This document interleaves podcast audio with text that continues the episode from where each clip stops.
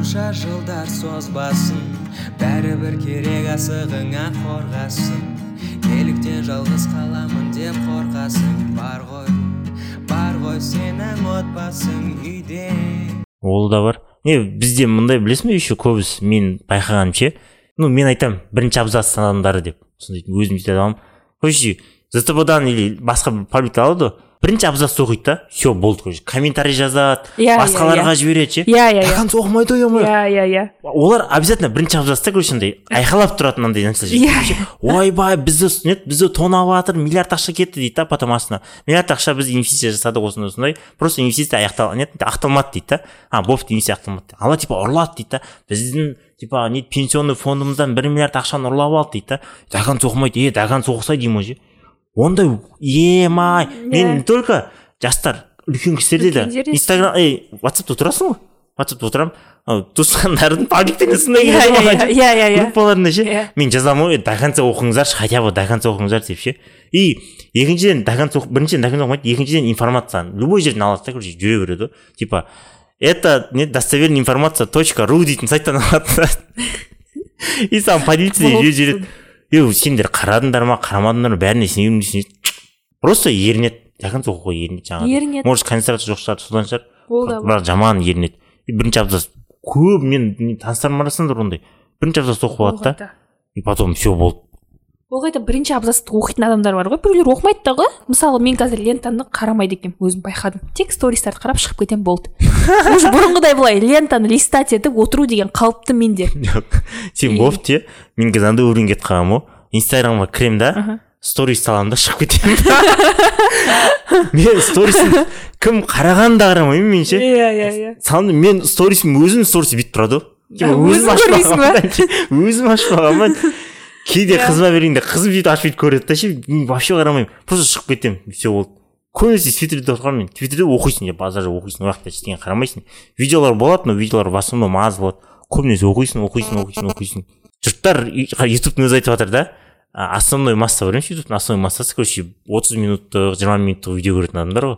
Вот сол адамдар азайып жатыр да ол адамдардың бәрі шорт шорт шортсқа иә. иә. И қазір адамдар көп шортс көреді дейді. Ютубты ешкім қарамайды дейді. Ютубтың өзі де айтып жатыр да.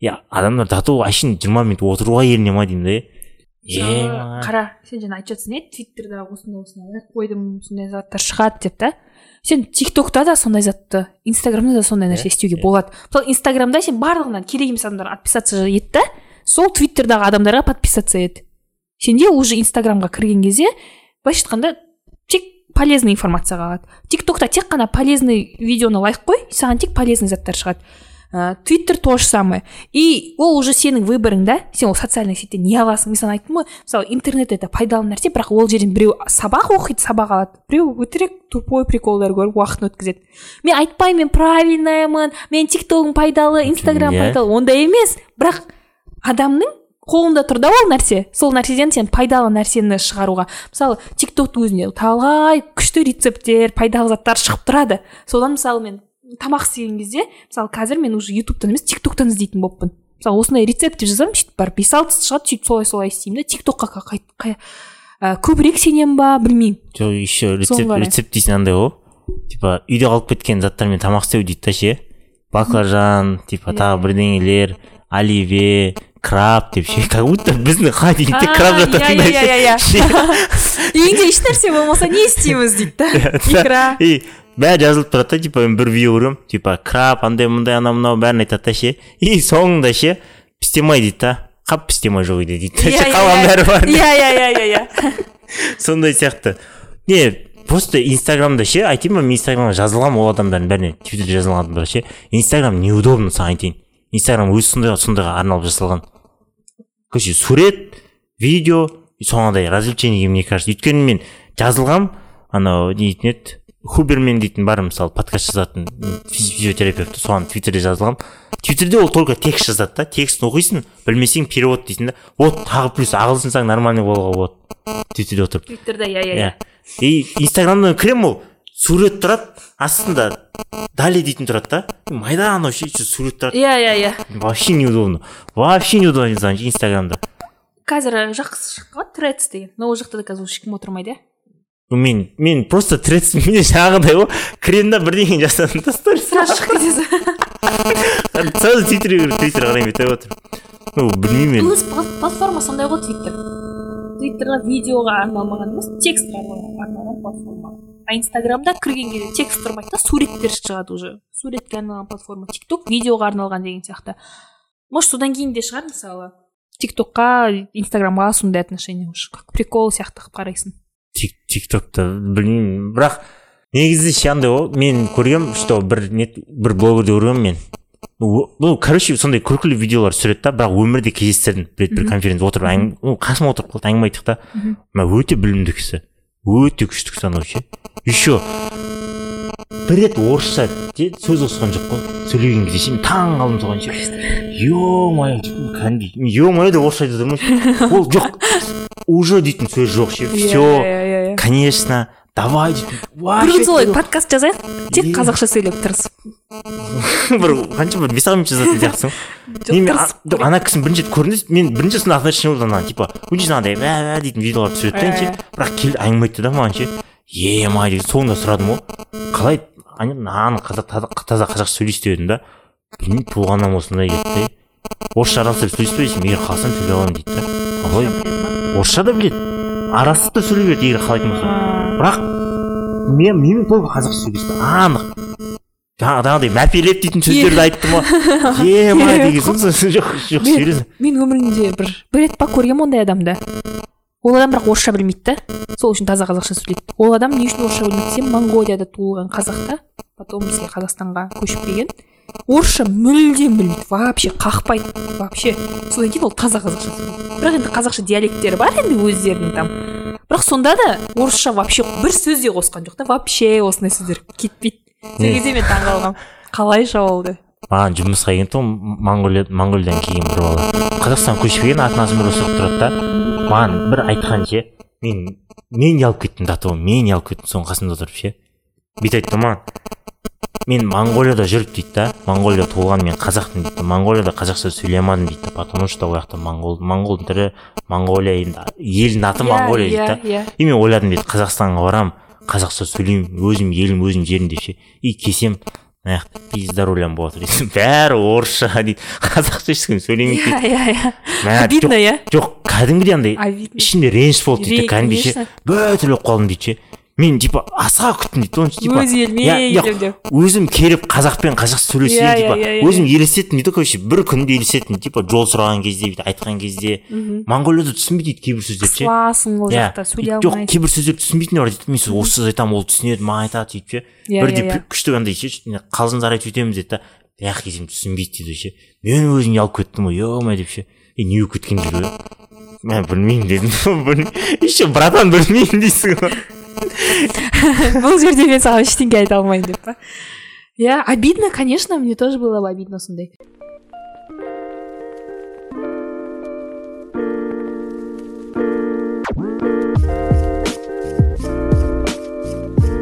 бірақ ше сонда да қазір қазақ тілі дамып келе жатыр байқасаң көп. Мысалы біздің поколение бар ғой. Вот солар қазақша сөйлейді көбінесе.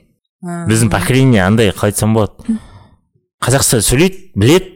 Бірақ орысша сөйлейтіндері бар. Маған осы ұнамайды бірақ үлкен үлкен, поколениелер бар да. Иә. олар байғұс орысша оқыған орысша оқыған иә, и иә, байғұстар амал жоғынан да типа ну амал жоғынан и сен қартайған кезінде бірдеңені үйрену оп оңай емес. Қазір ғой сен миың күшті типа қартайған кезде сен үйрену өте қиын болады. Оларды түсінуге болады да.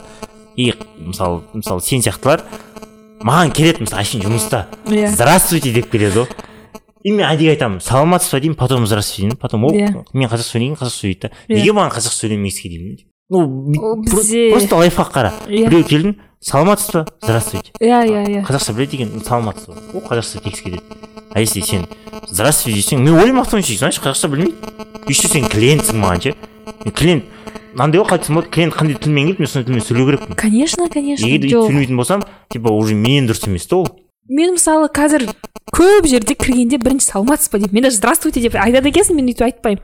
Мен сразу саламатсыз ба деймін. И ол если маған здравствуйте десе түсінікті да. Что ол орысша сөйлейді жа- жарайды маған қиын емес орысша сөйлеу қазақша сөйлеу. Бірақ всегда стараюсь бірінші сәлеметсіз бе деп қазақша бастауға. Мысалы бір жерге кірсем де мысалы сәлеметсіз бе мына көйлектің мысалы мынандай түсі бар ма деймін. И сөйлейтін адам сөйлейді. Иә бар осындай деп. И көп байқаймын не үшін маған қазір айтып жатырмын дамып жатыр деп. Бір сексен процент случайда маған қазақша ответ келеді. И біз қазақша сөйлесіп кетеміз.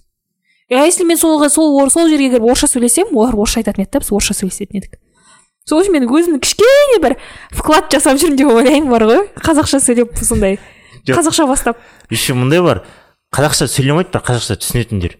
Сен қазақша жауап бересің орысша жауап бересің. Сен қазақша сөйлесің орысша жауап береді. Ондай да бар. Ол қазақша сөйлей берген жақсы. Қазақша сөйлеген дұрыс. Вообще қазақша сөйлейтін момент болып қалды ма? Сөйлеп қалу керек қой қазақша. И сол солай ғана біз дамыта аламыз. То есть тілді қолданбасаң тіл өледі дейді ғой. Сол үшін тілді всегда қолданыста жүретіндей болу керек. Мысалы қазір балаларымызды да білмеймін көбісі қарсы шығады ғой орысша мектепті жабуға бірдеңе дейді да. Бола берсін орысша ол орысша мектепте тұрған нәрсе жоқ если сен үйде қазақша сөйлесең қазақша сөйлеп жоқ қазақша практика айтайын ба? Иә. Бар. Не бола берсін.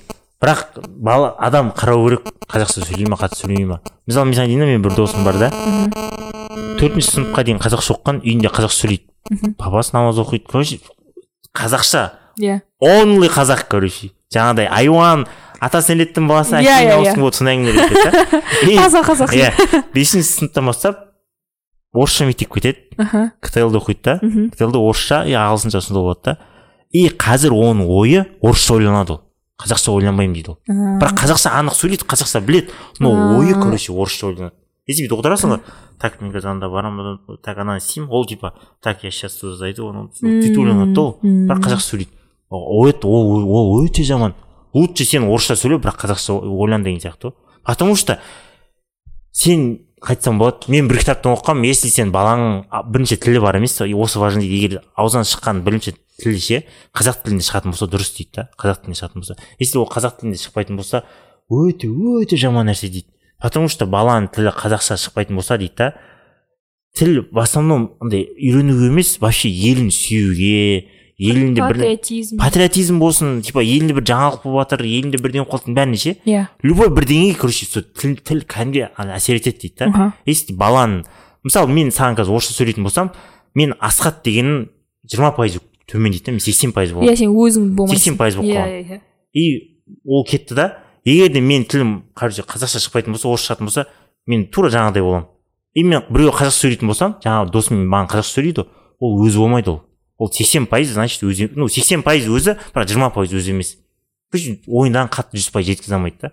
Вот сондайлар болады дейді. Еще ә, өйтіп шығарғандар бар емес па біреулер бар дейді да сөйтіп тілін сөйтіп шығарады потом қазақ тіліне қарамай сондай қылады дейді. Короче ол мындай дейді если сенің тілің қазақша шығады потом кете беретін болса ше мысалы орысша шығып кете беретін болса сен қазақша по любому сөйлемейсің дейді. Ол испанский тілін айтқан тұғын.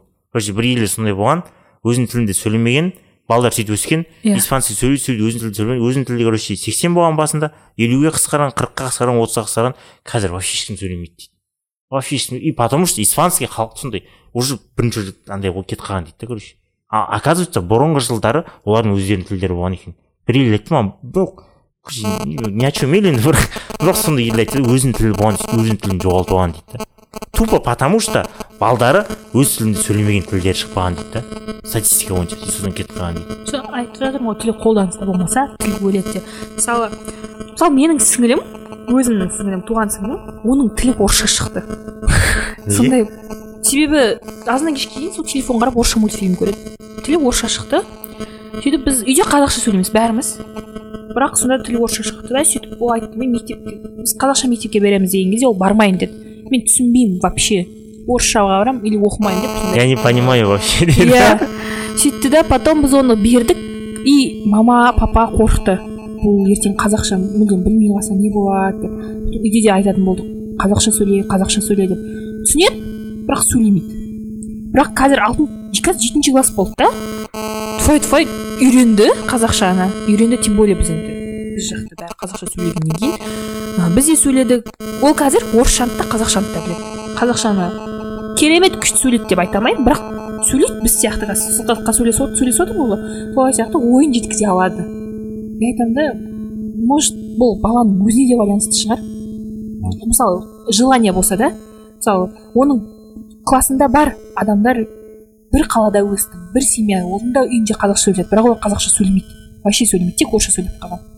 Сол үшін желание болса сөйлеймін деген сөйлеп кетесің деп ойлаймын. Потом мынандай не момент ә, маған хирургиядан беретін ағайым кеше былай айтты. Ыыы идиш деген тілді білесің ба? Израиль елі еврейлер бұрын идиш деген тілде сөйлескен. Қандай тілде сөйлейді иврит. Тілде иврит. ивритте сөйлейді иврит. ол өздерінің тілі. Идиш деген ол ыыы больше неміс тіліне жақын. Олар әр жерде жүрген ғой. Әр жерде жүрген еврейлер сондықтан идиш тілінде сөйлеп сөйткен и олар уже шынымды айтайын че то есімнен шығып бастап жатыр кеше ғана айтқан еді ағай. Сөйтіп олар келген да израильге жиналған кезде барлығы айтқан. Біз өз тілімізде сөйлеу керекпіз біз иврит тілінде сөйлеу керекпіз деп олар қайтадан сол иврит тілін жандандырып бәрі иврит тіліне өтіп тек иврит тілінде сөйлейді. Біз латинский көше алмай жатырмық олар видишь бір тілден екінші тілге ауысып кеткен. Жоқ иврит өздерінің тілі да? Екі, екі түрлі тіл. Мысалы идиш ол вообще не ғой? Нем- неміс тіліне жақын иврит иврит білесің ба естігенсің ба? Ол вообще басқа. Ол вообще басқа. екі түрлі тіл да? Бір семьядан екінші семья тіліне. Бірақ сонда да олар өтіп қазір сөйлейді тек ивритте сөйлейді. Молодцы деймін да? Қандай күшті ел. Өз тілін жандандырып сақтап қалған. Еще мен жаңа кітапты оқығаным ше? Білесің бе жазылғанда қазақстанда жазылған ол жерде. Былай жазылған. Әлемде дейді да вообще ше? Өз тілі бар ел аз дейді. Өз тілі бар. Это капец Иә. үлкен байлық дейді. Иә. өте үлкен байлық дейді да ол ше? Ана жаңағы бразилияның асын португалияның асын ше? Бәрі испанский сондай бірдеңе сөйлейді дейді да ше? Бірақ былай қарасаң үлкен ел дейді да ше? Пәленбай миллион адамдар бар дейді бірақ тілдері жоқ дейді и қазақстан сияқты елге кетірген да үш ақ миллион елі бар дейді. он ақ миллион дейді бірақ өздерінің тілдері бар дейді да. Ол деген дейді да арғы заманнан типа олар сақтап келген дейді да. Ол капец үлкен байлық дейді оны жоғалтпау керек дейді да. Ал көбісі жоғалтып алған дейді да. И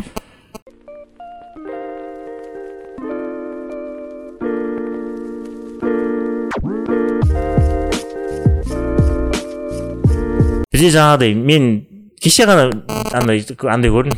Пабликте тұрған кезде жақ халиптің концерті болады екен ғой сентябрьде. соны мен бір сол кезде есіме түсіп кетті. Кеше күні кеше есіме түсті. Найнти уанға айтқан цитатасы еще сендер қазақша өлең айтып типа аттарың шығара алмайсыңдар деген. А иә. орысша өлең айту керексіңдер иә иә иә. И сол кезде найнти уан жоқ біз қазақша айтамыз қалған Иә. елге шықпасақ шықпай ақ қой қазақстан аламыз деген сияқты ше. И жахариптің концерті қазақстанда болып жатыр типа неге сөйтіп неге сондай андай қылмады бізде деймін да? Типа сол сол кезде қарсы шықты ма соған бірдеңе де әңгіме айтты ма а? Неге өйтіп айтпай жүрсіздер мен сол кеше ойландым да сол кезде типа андай болады бізде бірдеңе болып қалса сразу типа о андай мындай Иә, сондайлар иә, иә. сондайлар қайда кетті сол кезде деп ше? Вот в том то и дело. Жахалип жахалипті мне кажется біздіңкілер уже как орыс сияқты воспринимать етеді бар ғой мне кажется бар ғой. Россияның әншісі орыс. Деген менің өзіме мен жахалипті қазақтан шыққан адам деп воспринимать ете алмаймын потому что орысша сөйлейді қазақша білмейді ғой қазаққа мүлдем қатысы жоқ адам да ол? Сол үшін мен оны бір мен үшін ол ресейдің әншісі болды. Бірақ ше бірақ знаешь найнти уанға иә мен помню айтқаны ой қазақша ол кезде ешкім қазақша тыңдамайтын еді ғой. Найнти уанға екі мың он бесте дебютировать етті мен помню бірінші сентябрьда еще. И ол кезде қазақша айту андай қазақша өлең деген менің миымда тойский өлеңдермен ассоциация болатын еді. Қайрат нұртас ауырмайды жүрек там алматының түндері ай там төреғали той тек қана той қызыл и өрік па? иә қызыл өрік мен қазақша тыңдайын десем де мысалы қазақша тыңдайын деп ашсам тек тойдың өлеңдері тұратын еді да. Сөйтіп тыңдай алмайсың ғой андай кезде подростксың ол кезде. Сөйтіп тыңдамайсың қазақша мүлдем тыңдамайсың тойда болмаса. Сөйтесің да қазір ғой тойдың өлеңдеріне билеп жүресің. Тойдың өлеңі қосылса ше отыра алмайсың ғой иә. Ол кезде тыңдамайсың ондай өлеңдер сөйтесің да потом найнти уан шықты. И құлаққа жағымды да қазақша айтып жатыр біріншіден. Екіншіден мелодиясы той емес. Сен тыңдай аласың. То есть обычно түнде ұйықтайтын кезде музыка тыңдайсың ғой и ана найнти уанның өлеңдерін тыңдап ұйықтай аласың. Не деген кайф дейсің ғой еще қазақша еще сол найнти уанның маған тілі ұнайтын то есть өте әдеби әдемі жеткізетін. И тек қазақша сөйлейтін интервьюларда. Мысалы таптаурын деген сөз есімде. Таптаурындар бірдеңе деп. Стереотипті таптаурын деп сөйлеп новый сөздер үйренетін едім да мен найнти уаннан и содан кейін бір мода сияқты кетті ғой. Найнти уаннан кейін. Талай группа бәрі қазір қазақша айтады. Кю поп деген вообще жанр пайда болды да. Жұрттар қазақша айтып бастады. И ойлаймын ғой неужели қазақ тілінде әдемі ән айтуға болады екен ғой? Қазақ тілі сондай әдемі екен ғой деген мен маған ой. Сол тоғызыншы классымда келді ғой. Қазақ тілі әдемі екен ғой деп. ол үшін оған дейін мен үшін қазақ тілінің өлеңдері сол қызыл өріктен аспайтын еді. А ана өлеңдерді тыңдағаннан кейін содан кейін мен қазақша өлең тыңдаймын. Вот екі мың он бестен бастап сегіз жыл болды қазақша өлең көп тыңдаймын. Қазір де тыңдаймын. И барынша андай қазақша айт, айтқандарды қолдауға тырысамын. Енді көп фанатпын деп айта алмаймын. Мен де ондай емес. Ну бірақ бірақ бірақ мен ішімде қалаймын что бәрі қазақша бәрі қазақша. Бірақ мен ең таң қалатыным сол найнти уан шығып жатқан кезде бәрі анау мынау деп әңгіме айтты иә иә. И қазір типа е не болып кетті дейсің ғой. Қазақ тілінен мен айтасың ең андай қылатын жер мен ұнамайтын маған мысалы мен бір рет бір курсқа қатыстым да. Бәрі орысша сөйлейді. И курсты беріп жатқан адам қазақша білмейді ғой.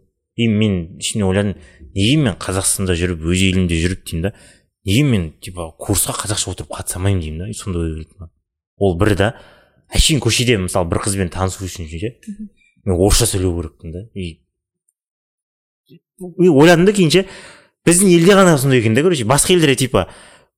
Мен ше қалай айтсам болады астанаға келмей тұрып орысша жақсы сөйлейтін бірақ қатты емес астанаға келгеннен кейін нормально сөйлей бастадым да андай болған екен. Иә иә иә. И жазады ғой бір кітаптарда бүйтіп қыздармен бүйтіп барып сөйлесе аласың билесе иә аласың иә деп иә ше иә и потому что олардың бәрінің тілі бір деймін да ше менде сондай типа мынандай пространство бар деймін да капец это пространство осындай иә как граница прям граница қойып қояды ғой ол и потом жаңағыдай мен өзім сексен пайыз жиырма пайызын жоғалтып аламын И Иә, иә, дұрыс иә. таныса алмай қаласың да дұрыс и типа айтады ой қиын емес қой барасың таныса саласың дейді да ей сен атаң еді ағылшында сөйлейтін қызбен таныс бар деймін да қалай сен таныс деймін таныса алмайсың ғой дұрыс па деймін жаңағы тұрасың андай мындай деген сияқты ше вот мен саған айтқан едім ғой асхат бізде именно қазақстанда бұрын ауылдық жерлер жерде тұратындар мектепте барып оқы- оқымағандар олар орысша білмейтін. Иә тек қазақша сөйлейтін. Потому что біздің қазақстанда ссср кезінде тек қана орыс мектептер болды. Тек қана емес в основном көп бөлігі орыстар болды. Иә. орыс мектептері болды. Ол кезде орысшаны білген адамдар көзі ашық болып саналатын. Дұрыс па?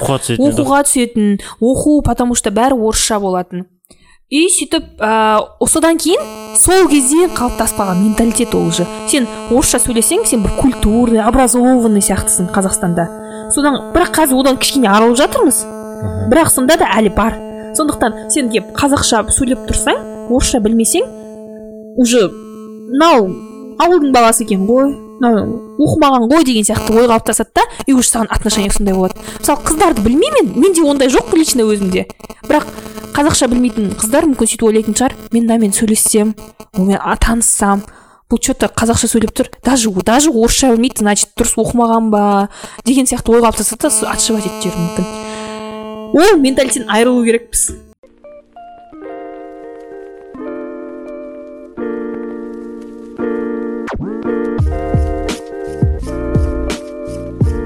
Жаңағыдай ше қыздармен танысу деген кезде просто мен сол сөйтіп сол балдарға таң қалатынмын маған сөйтіп ақыл айтады типа таныса саласың бүйте саласың деген ше. Маған сол капец граница болатын капец граница болатын үлкен ше. Барьер да. Иә мен сөйлейсің и саған орысша сөйлейді да орысша сөйлейсің жаңағыдай деген сияқты. Ну енді бірінші қара не болады өзі? Бірінші қызбен танысқанда қалай болады? Бірінші қызбен танысасың ну внешний вид болыпты нормально ұнап тұр потом манеры. Иә саған бір бала келеді да. Мыңқ мыңқ етіп тұрса сен сөйлесесің бары қарай. Жоқ конечно қазақша екі сөзді қоса алмай тұрса сен? қойшы дейсің ғой. Иә. Мен орысша мысалы сөз қоса алмайтын емес қосамын мынау жаңағыдай типа иә иә иә. И потом қойшы дейсің ғой. Вот мен қалай танысасың деймін да и соған жаман жыным келетін мен. Жаман жыным келетін ше неге мен өз елімде жүріп егер россияда жүрсем болып түсінетін едім деймін да. Болыпты россияда жүрмін асхат қоя сал үйрену керексің амал жоқ деп ше. Иә. қазақстанда жүріп неге мен өйтемін деген сияқты ше. Жаман нерв болатын соған. Әлі күнге шейін жыным келеді мен. Еще оны қойшы. Жұмысқа тұратын кезде абай ше жұмысқа тұратын абай маған звондап айтады ше. Аға дейді. Неге менен орысша тілді білесің ба? деп сұрайды дейді ше. И ол барады да короче айтады ол қазақ қазақша жауап береді ол. Бірдеңе дейді қазақша жауап береді қазақша жауап бере береді. Отырады короче отыз минут әңгіме айтып и потом оған ортасынан айтады сен орысша білесің ба? деген сияқты ше. сонда мен қазақша сөйлесем орысша білмейді деп ойлайсыз ба деп абайға былай айтқанда похуй айта салады ғой иә иә орысша білмейді деп ойлайсыз ба дейді да.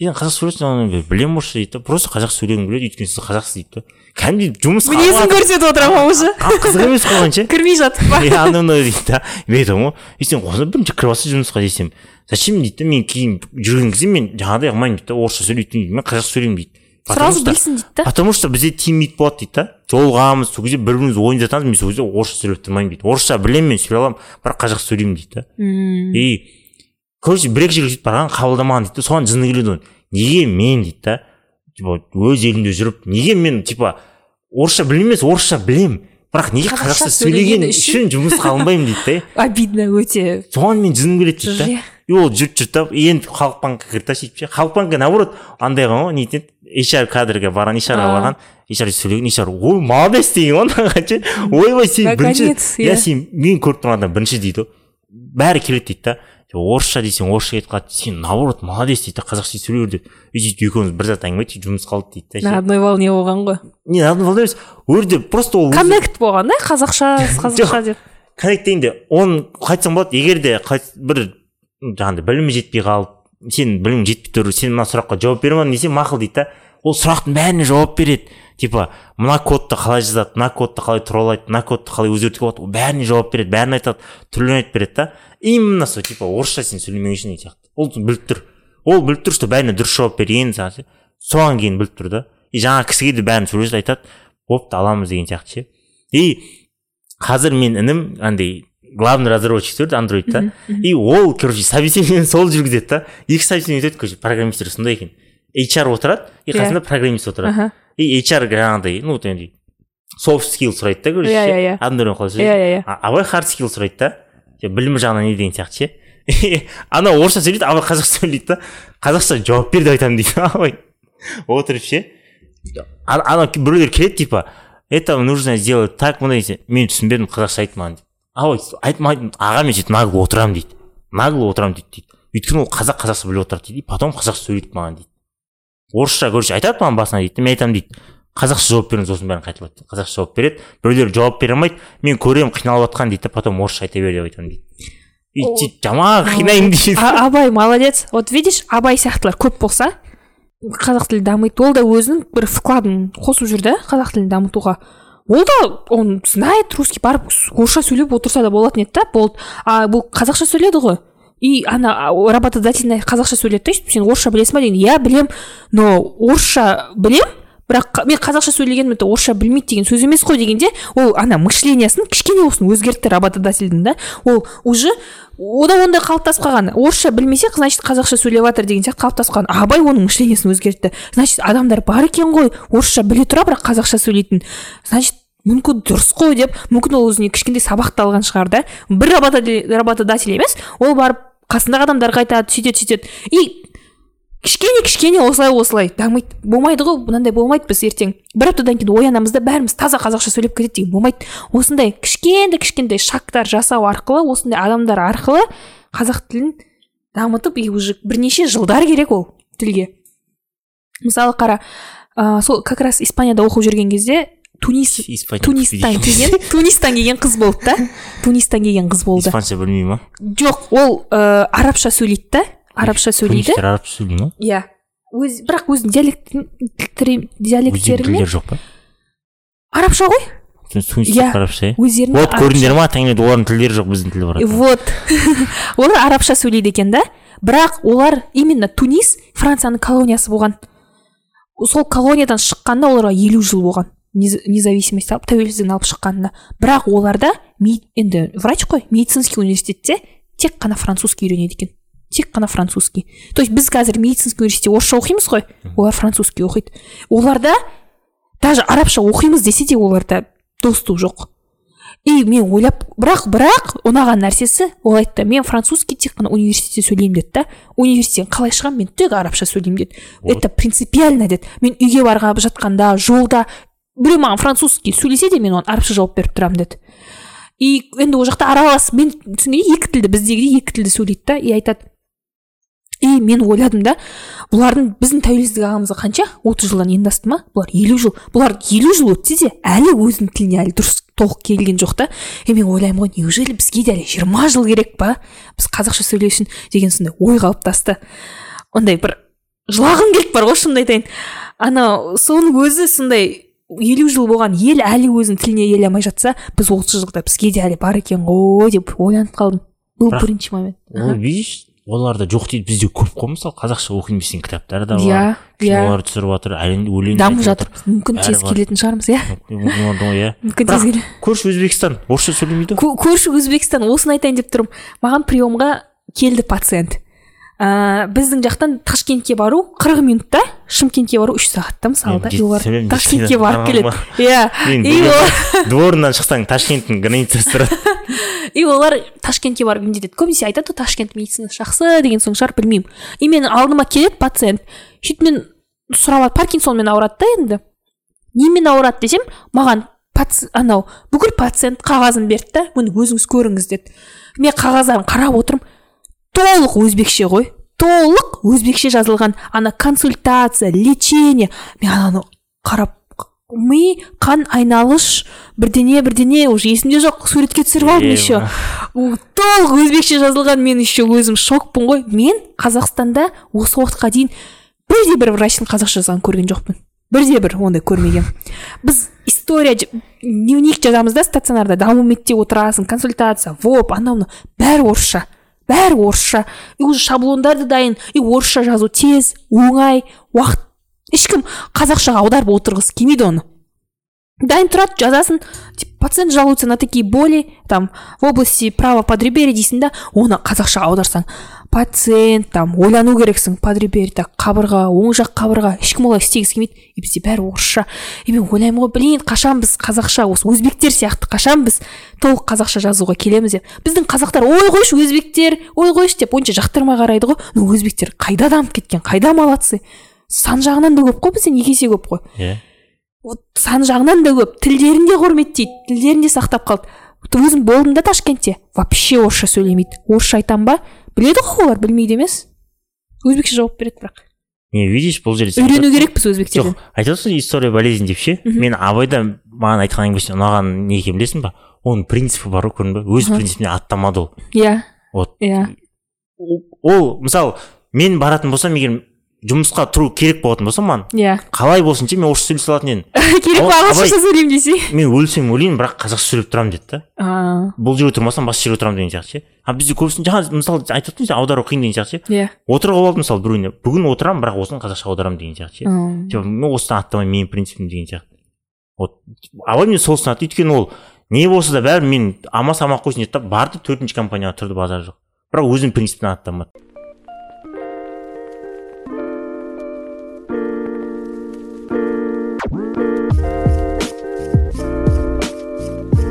Негізі өте қиын нәрсе. Өз өзін сыйлайды біріншіден принциптарын сыйлайды. Ол бір кезде жақсы бір кезде жаман.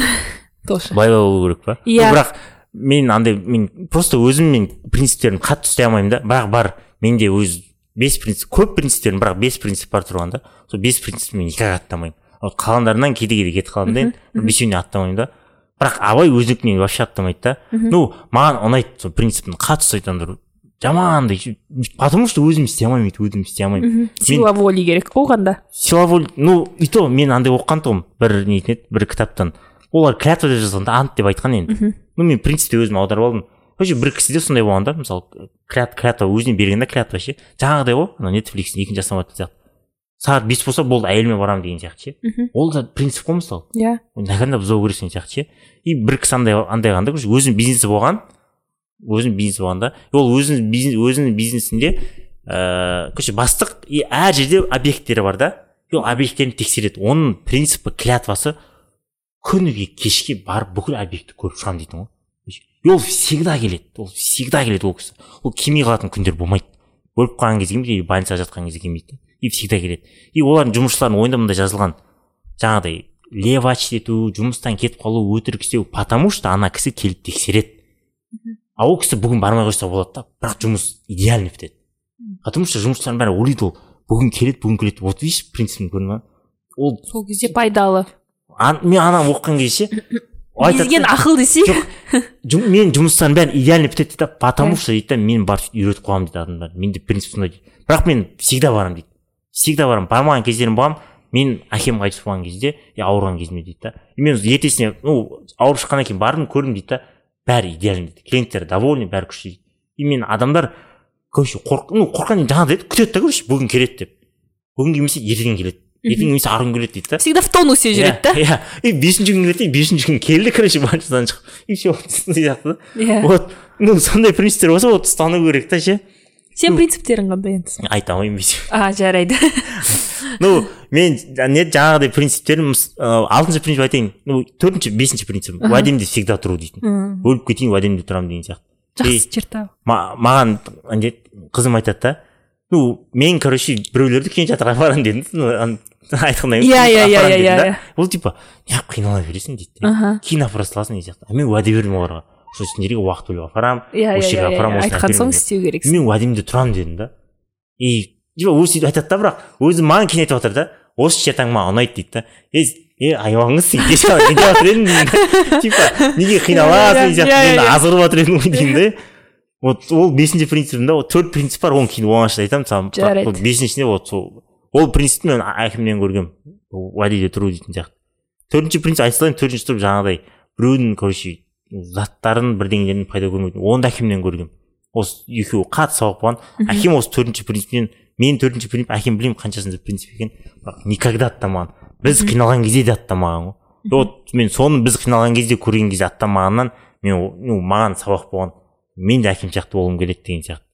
Ну и то бізге бізді сөйтіп өсірген әкем. Інімді ағамды мені.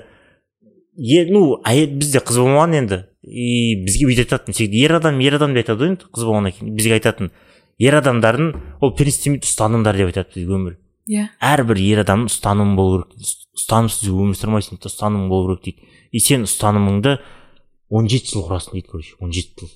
Он жеті жыл құрасың он сегізінші жыл вообще подтверждение нүкте қоясың дейді ғой и жиырма бес жасында өзгертуге болады дейді да. Жиырма бестен кейін желательно өзгертпеу керек дейді. Потому что сен жиырма бестен кейін өзгертетін болсаң дальше тағы өзгерте бересің дейді. Ол уже ұстанымға кірмейді дейді да. Иә. Саған он жеті жыл срок, срок беріледі дейді да. он жеті жылда сен ұстанымдарын істеу керексің дейді да. Мен пападан сұрағанмын оны кімнен білдің десем просто өзім өзім сөйтіп түсіндім дейді да. И мен жиырма бесімде мысалы айт- жиырма бесімде нүктемді қойдым дейді да. И жиырма бесте өтірік айтады. Жиырма тоғызында қойдым деді нүктесін. И отыз бесімде тағы өзгерттім деді. И отыз сегізімде тағы өзгерттім деді да. И мен өзім ойладым дейді. Значит одан ертерек қоюым керек деді да. Жаңағыдай мен уже ну дамуым бүйтіп күшті болып жатқан кезде сол кезде нүкте қойып тастау керек дейді да. Мен сөйтіп үйретті да. И егер де ер адамда ұстаным болса дейді да ол жаңағыдай ну бізге айтты әйеліңе қол көтерме деді. Ол ұстаным ше ыыы қызға боғауыз сөз айтпа деген сияқты. и жүкті әйелдер ну мелкий ұстанымдар деді да олар бірақ оларды өзінің ұстанымы ал деді да. Оны тәрбие тәрбие деп көрме деді біздің папада мындай ой бар. Короче тәрбие дегенді біздің папа бүйтіп көреді. Если біреуге тәрбие беретін болсаң ол тәрбие өзгере береді дейді короче. И сен адамға тәрбие бересің ол тәрбиені ол байынан көреді байынан көреді. Типа ол кезде мен бүйтіп қалдым ол кезде мынандай жағдай болып қалды ол кезде жаңбыр жауып қалды ол кезде короче ақшам тозылып қалды деген нәрсе болады дейді да. Вот ұстаным дейтінді папа бүйтіп көреді. Аттамау керексің деген сияқты. Все болды типа? Одан атсаң өлесің деген сияқты ше. Өз өзіңе ол құрмет өз өзіңе Иә. уважение сен өз өзің ұстанымыңды ұстағаның сен өзіңнің егер сен сол ұстанымыңды істемесең мысалы да осындай уәде беріп бір уәдеңде тұрмасаң ол уже өз өзіңнің выборыңа измена өзіңе измена Иә. келіп жатқан деген иә. сөз иә өзің таңдауың измена жасап жатрсың өз өзіңді құрметтемегенің ол саған еще он жеті жыл уақыт берді ұстаным Иә. и то тағы бірнеше жыл өзгертуге уақыт берді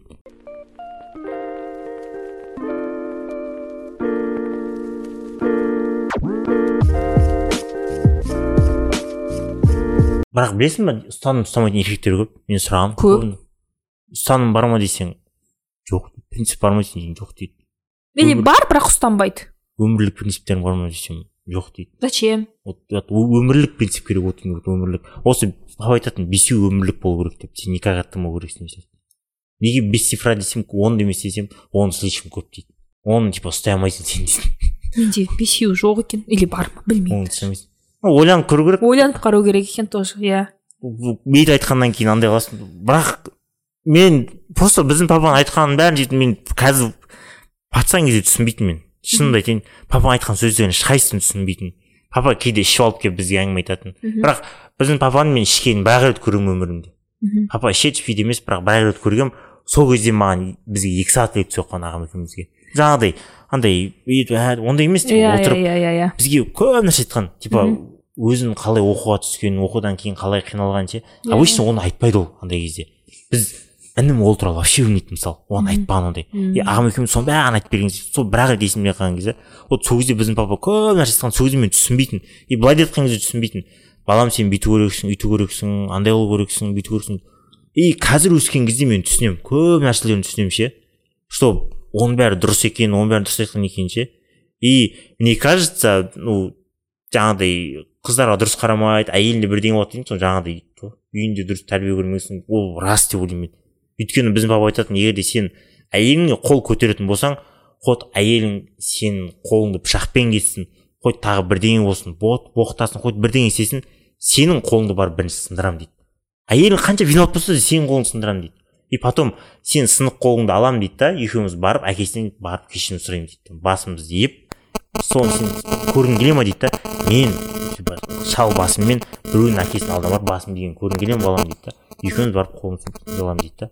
Сен больницаға қолың қыз емес қолың сындырамын и потом барып қыздан кешірім сұраймын дейді сен әйеліңнен вот содан кейін вот сенің қолыңды дейді неге десем вот қызға қол көтермеу вот видишь сенің папаң көргенді интеллигент кісі да. Ол ә, не только ол сенің ол сен егер мысалы өзінің баласы барып қыз балаға қол көтерсе ол өзінің ответственность деп санап жатыр да балам ғой сол ғой қол көтерген. Пусть өзі решает деп тұрған жоқ та ол өзі әке ретінде ответственность жауапкершілікті алып тұр. Мен сол балаға тәрбие бердім значит жаман тәрбие бердім если ол сөйтіп қызға көтеріп жатса дейді да. Сол үшін ол өзінің как бы миссиясы ретінде көреді да барып кешірім сұрауды. То есть бұл жерде тек баланың емес менен кетті қателік деп тұр. Бірақ олай ойланатын әке көп емес қой қазір. Не то чтобы әке олай ойланатын бала да жоқ қой қазір. Былай ғой. Біздің біздің папаның саған сөз мен айтқым айтпаған ба? Мен балам болып жасаған қателігің сенің әкең болып жеңілген дейтін жаман көп айтады жоқ. жоқ айтпаған менің балам болып сен жасаған қателігің мен сенің әкең болып жеңілген деп. Вот көрдің ба? Вот ол сондай мышление да ол кісіде. И ол кісі жоқ былай ғой еще. Хоть сен отызда жүрсең де бірдеңе істесең мен саған жауап беремін дейді. Иә. Мен осы өмірде егер де денім сау миым нормально жұмыс істеп тұрса мен саған жауап беремін дейді. Хоть сен қырық жасқа кел дейді. Бірақ жаңағыдай емес дейді. Тәрбиеге байланысты бірдеңелер болатын болса мысалы мен саған беретін нәрселер болады мысалы ата ана балаға беретін. Сол жерден қателік кететін болса мен саған жауап беремін дейді. Вот жаңағыдай жұмыс жағынан бірдеңе кетеді мен саған жауап беремін дейді да. Потому что ол сенің өзіңнің әкең деген сияқты вот сондай бар. Бірақ жаңағы сөзді көп айтады. Ол сөзді абай да көп айтады. Есіңе жақтақтап қалған ба? жоқ еще біздің баба айтатын нетін еді ә, мен сендерді тәрбиелей отырып немерелерімді тәрбиелеймін деп айтады. Иә ол да дұрыс. Видишь ертең сен сен әкеңнен алған тәрбиені бересің ғой балаңа. Бір алыстан біреудің тәрбиесін берме иә мүмкін да елу де елу деп айттым саған. Сен бірінші өзің үйінде өзің алған тәрбиеңді өзіңнің тәрбиең папаң берген тәрбие. И плюс уж сырт жақтан. Сен папаңнан дұрыс тәрбие алсаң сен балаңды дұрыс тәрбие, тәрбиелей аласың. Ә, көп қыздар көп қыздар. Деп айтайын в том числе мен. Әкесі қандай екен деп көремін бірінші. Әкесінің тәрбиесін алған бала ма жігіт күйеу таңдағанда. Ертең ол менің балаларыма қандай әке болады қандай воспитание береді деген ой тұрады қыздарда лично өзім де айта берейін өзімде сондай болады. Ол егер папасының реально тәрбиесін көріп өскен балама ақылды сондай ақылды жинап өскен балама ол ертең жақсы әке болады жүз процент. Потому что жақсы тәрбие көріп өскен бала ертең бұзылып кетпейді. Орта жолдан. Енді өте қиын оны бұзу. Содан кейін уже ертең мен де уверена боламын да мен балдарыма жақсы кетеді то есть сен папаң айтып отқан видишь қандай сөз? Мен сендерді тәрбиелеу арқылы немеремді тәрбиелеп жатырмын деп. Так и есть. Сен ертең балаңды тәрбиелеу, тәрбиелеу арқылы сен де немереңді тәрбиелейсің. Андай бар ғой білесің ба? Сенің балдарың өзінің әкелерін таңдамайды дейтінін білесің ба? Қыздарға айтылған иә иә иә иә. Сен таңдай аласың сен күйеуді таңдай аласың осындайды таңдай аласың дейді да. Бірақ сенің балдарың әкеңді таңдай алмайды деген иә. Дұрыс таңда сол. Естігемін ол фраза. Дұрыс өзі дұрыс айтылған. То, то же самое можно балдарға айтуға. Иә сен өзіңнің балаларыңның мамасын таңдай аласың. Сенде сондай выбор бар да қазір? Дұрыс тәрбие ертең қандай әйел таңдайсың сол мама болады. И көп нәрсе мамаға байланысты отбасыда мама қандай тілде сөйлейді сондай тілде сөйлейді балдар.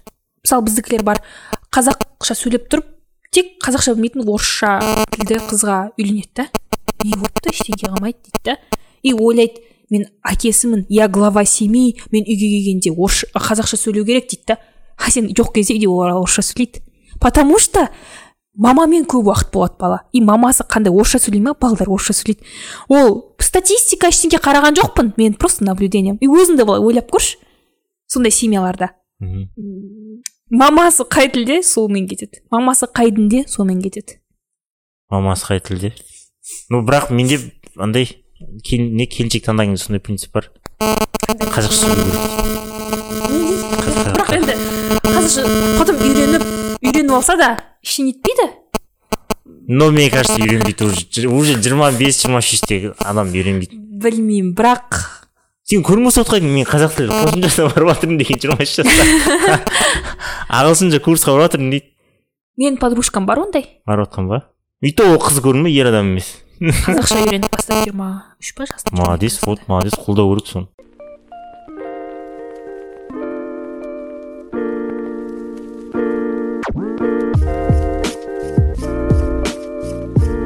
көбісі ойлайды бірақ негізі а мысалы бүйтеді ғой өзің типа өзің дамытып бүйтіп жүре берсең жақсы адам алдыңнан шығады деген сияқты ше.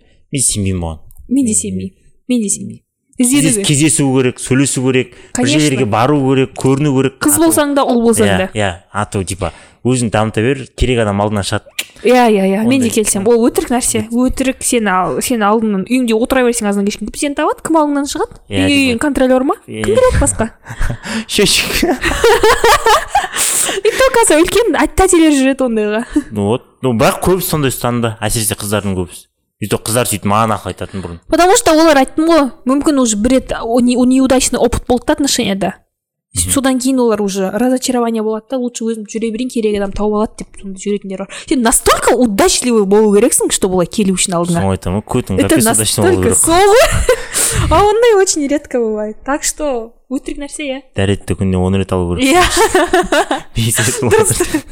күнде намаз не мешітке барып дем салдырып. Бүгін не тема айтып едік? Вообще кетіп қалдық вообще кетіп қалдық. Екі адамнан бастап едік самат пен розадан. Самат пен самат пен роза аман болсын енді. Аман болсын рахмет. Осы екі сағаттық тема тауып берді бізге. Все давайте жақсы ендігі ендігі жолы басқа тема. Ну сол тема туралы айтуға тырысамыз бірақ білмеймін мынаны екіге бөліп салатын шығармыз. Қызы короче. Мынаны екіге бөліп аяқтау үшін не деп аяқтауға болады? Просто час бір час екі деп сала сал болды. Час бір час екі. Иә. иә потому что екіге бөлуге болмайды. Мың қырық бес тема кетті ғой. Ал аман болыңыздар. Мастер шифу бір ән айтып тастады көрдіңіздер сау болыңыздар. Угуйден біраз андай үйренген ғой мастер гуйден а? Мастер гуй білмейсің ба жоқ. Кунг фу панда көрмегенсің ба? Кішкентай мастер шифу кунг фу пандадан ғой білемін ғой кішкентай кезімде ғана мастер шифудың мастері мастер гуй ғой а аты сондай ма білмеймін сол кісіден примерно сенің папаң болып тұр ол кісі иә иә иә ендігіде көріп дайындалып қойсын жарайды мен содан бір тема айтамын деген негізі болыпты оны ендігі жолы жарайды айтамын ендігі құдай жол қаласа. Всё, жазамыз давайте аман болыңыздар сау болыңыздар давайте рахмет осы уақытқа дейін тыңдаған адамға рахмет қанша сағат тыңдайды мына примерно бір елу минут тыңдайтын шығар все давайте аман болыңыздар қанша жылдар созбасын бәрібір керек асығыңа қорғасын. Неліктен жалғыз қаламын деп қорқасың бар ғой бар ғой сенің отбасың үйде.